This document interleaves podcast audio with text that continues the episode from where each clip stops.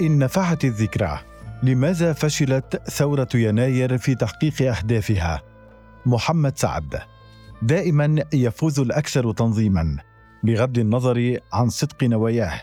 فالاستبداد المنظم ينتصر على الديمقراطية المفككة التي لا تملك خطة. يدور الجدل كل عام بين رفاق الميادين حول أين تكمن المشكلة. هناك إجابة شائعة وسهلة ومباشرة. وهي أن المشكلة تكمن في أن الغاضبين تركوا الميادين يوم الثاني عشر من شباط فبراير أي في اليوم التالي لتنحي الرئيس المصري حسني مبارك. هي إجابة سهلة لكنها. من وجهة نظري إجابة غير دقيقة. لم تكمن المشكلة في مغادرة الميادين يوم الثاني عشر أو يوم الحادي عشر. بل كانت في أنه لم يكن هناك مشروع وخطة لدى من في الميادين حول ما الذي يجب أن نفعله بعد ذلك.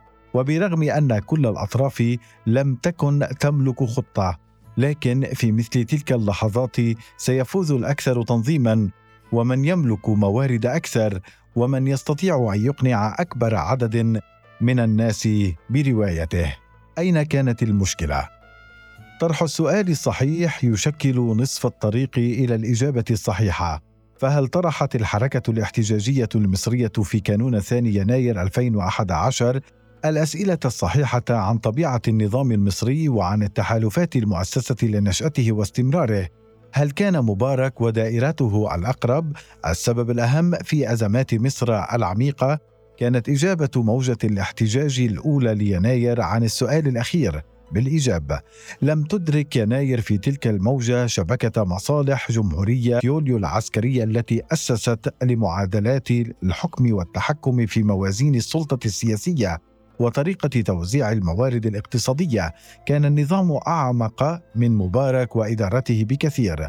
لم يكن الجيش والحركة الاحتجاجية إيد واحدة كما صورت دعاية الأيام الخوالي الأولى. وبرغم تلاقي رغبة الطرفين في الحادي عشر من شباط فبراير حول الإطاحة بمشروع توريث الحكم غير أن الأهداف كانت متباينة تماما. هدف جمهورية يوليو الاستراتيجي لم يتغير تحت حكم الرؤساء المصريين أنور السادات حسني مبارك أو عبد الفتاح السيسي. فهم امتداد استراتيجي لجمهورية يوليو العسكرية وجزء من اتفاق ضمني على الهدف النهائي وهو التمكين للسيطرة العسكرية على الحكم. هم فقط اختلفوا تكتيكيا مع الناصرية. فالسادات أراد أن يحافظ على امتيازات يوليو لكن بثمن أقل لأن الدولة التي تقدم الخدمات أصبحت غير قادرة على تقديم المزيد منها فأراد أن يخلق سوقا تحت السيطرة وطبقة منتفعة تعيش على تخوم السلطوية العسكرية. هي طبقة رجال أعمال ترضى بالسيطرة العسكرية وفي الوقت نفسه تحاول أن تؤسس لاقتصاد رأسمالي تحت سيطرة الاوليغراشيه العسكرية. طبقة رجال الأعمال هذه تطورت نسبيا وأرادت كسر الاحتكار العسكري من داخل بيت مبارك الحاكم. نقلة جيدة. جود موف بحسب تعبير هواة لعبة الشطرنج. وهكذا ظهر صراع مؤقت لكنه مؤثر بين الأوليغراشية العسكرية وبين طبقة لها تطلعات في التوسع حتى لو على حساب العسكريتاريا الحاكمة.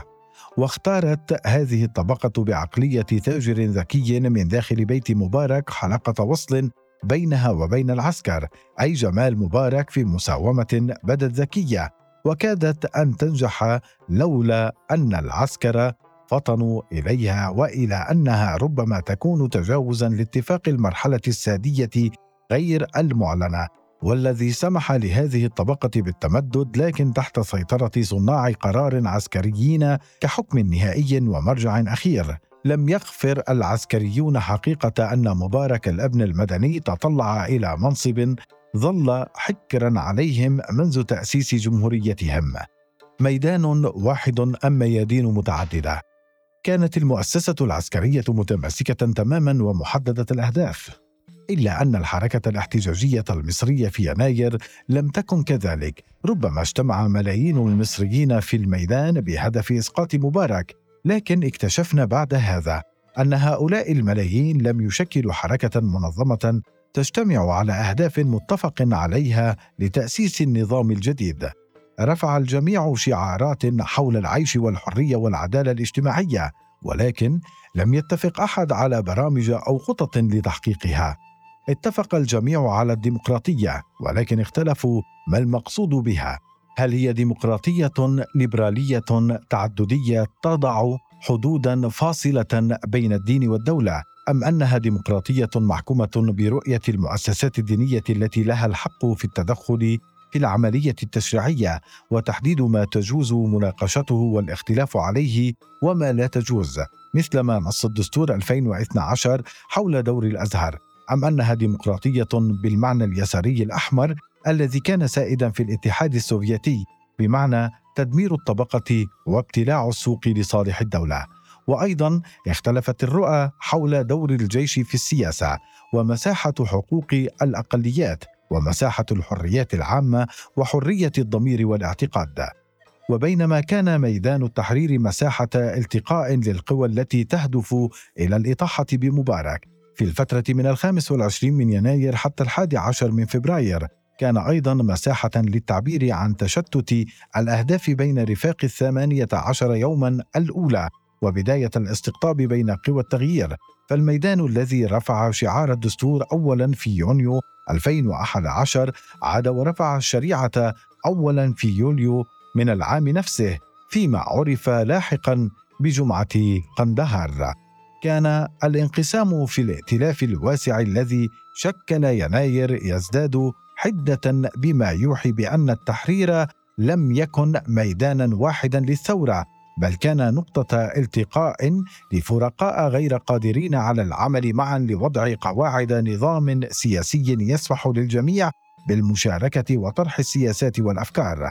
اختصارا أثبتت الشهور التالية ليناير أن التحرير لم يكن ميدان يعبر عن حركة ثورية موحدة ومنظمة بل كان ميدانا اجتمع فيه الناس وهم جميعا يعرفون ما الذي لا نريده الآن لكن اختلفوا حول ما الذي نريده فيما بعد. يناير وسيلة لتصفية صراعات جبهات الحكم. في نهاية حكم مبارك تصاعد الصراع المكتوم بين مكونات حكمه. الأوليغراشية العسكرية المؤسسة للجمهورية من جهة ورجال الأعمال المتحالفين مع جمال مبارك ولجنة سياسات الحزب الوطني من جهة.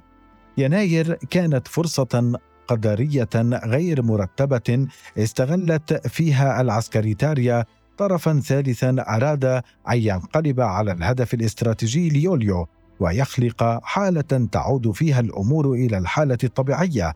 وهي أن يكون العسكر تحت السيطرة المدنية وأن تنتظم القوى الحية في المجتمع المصري في شكل تنظيمات سياسية تتنافس على أصوات الناس وعقولهم وقلوبهم غير أن عدم قدرة يناير على فهم طبيعة الصراع القائم وإبعاده داخل النظام الحاكم من ناحية وعدم وحدة أهدافها ووضوحها من ناحية أخرى.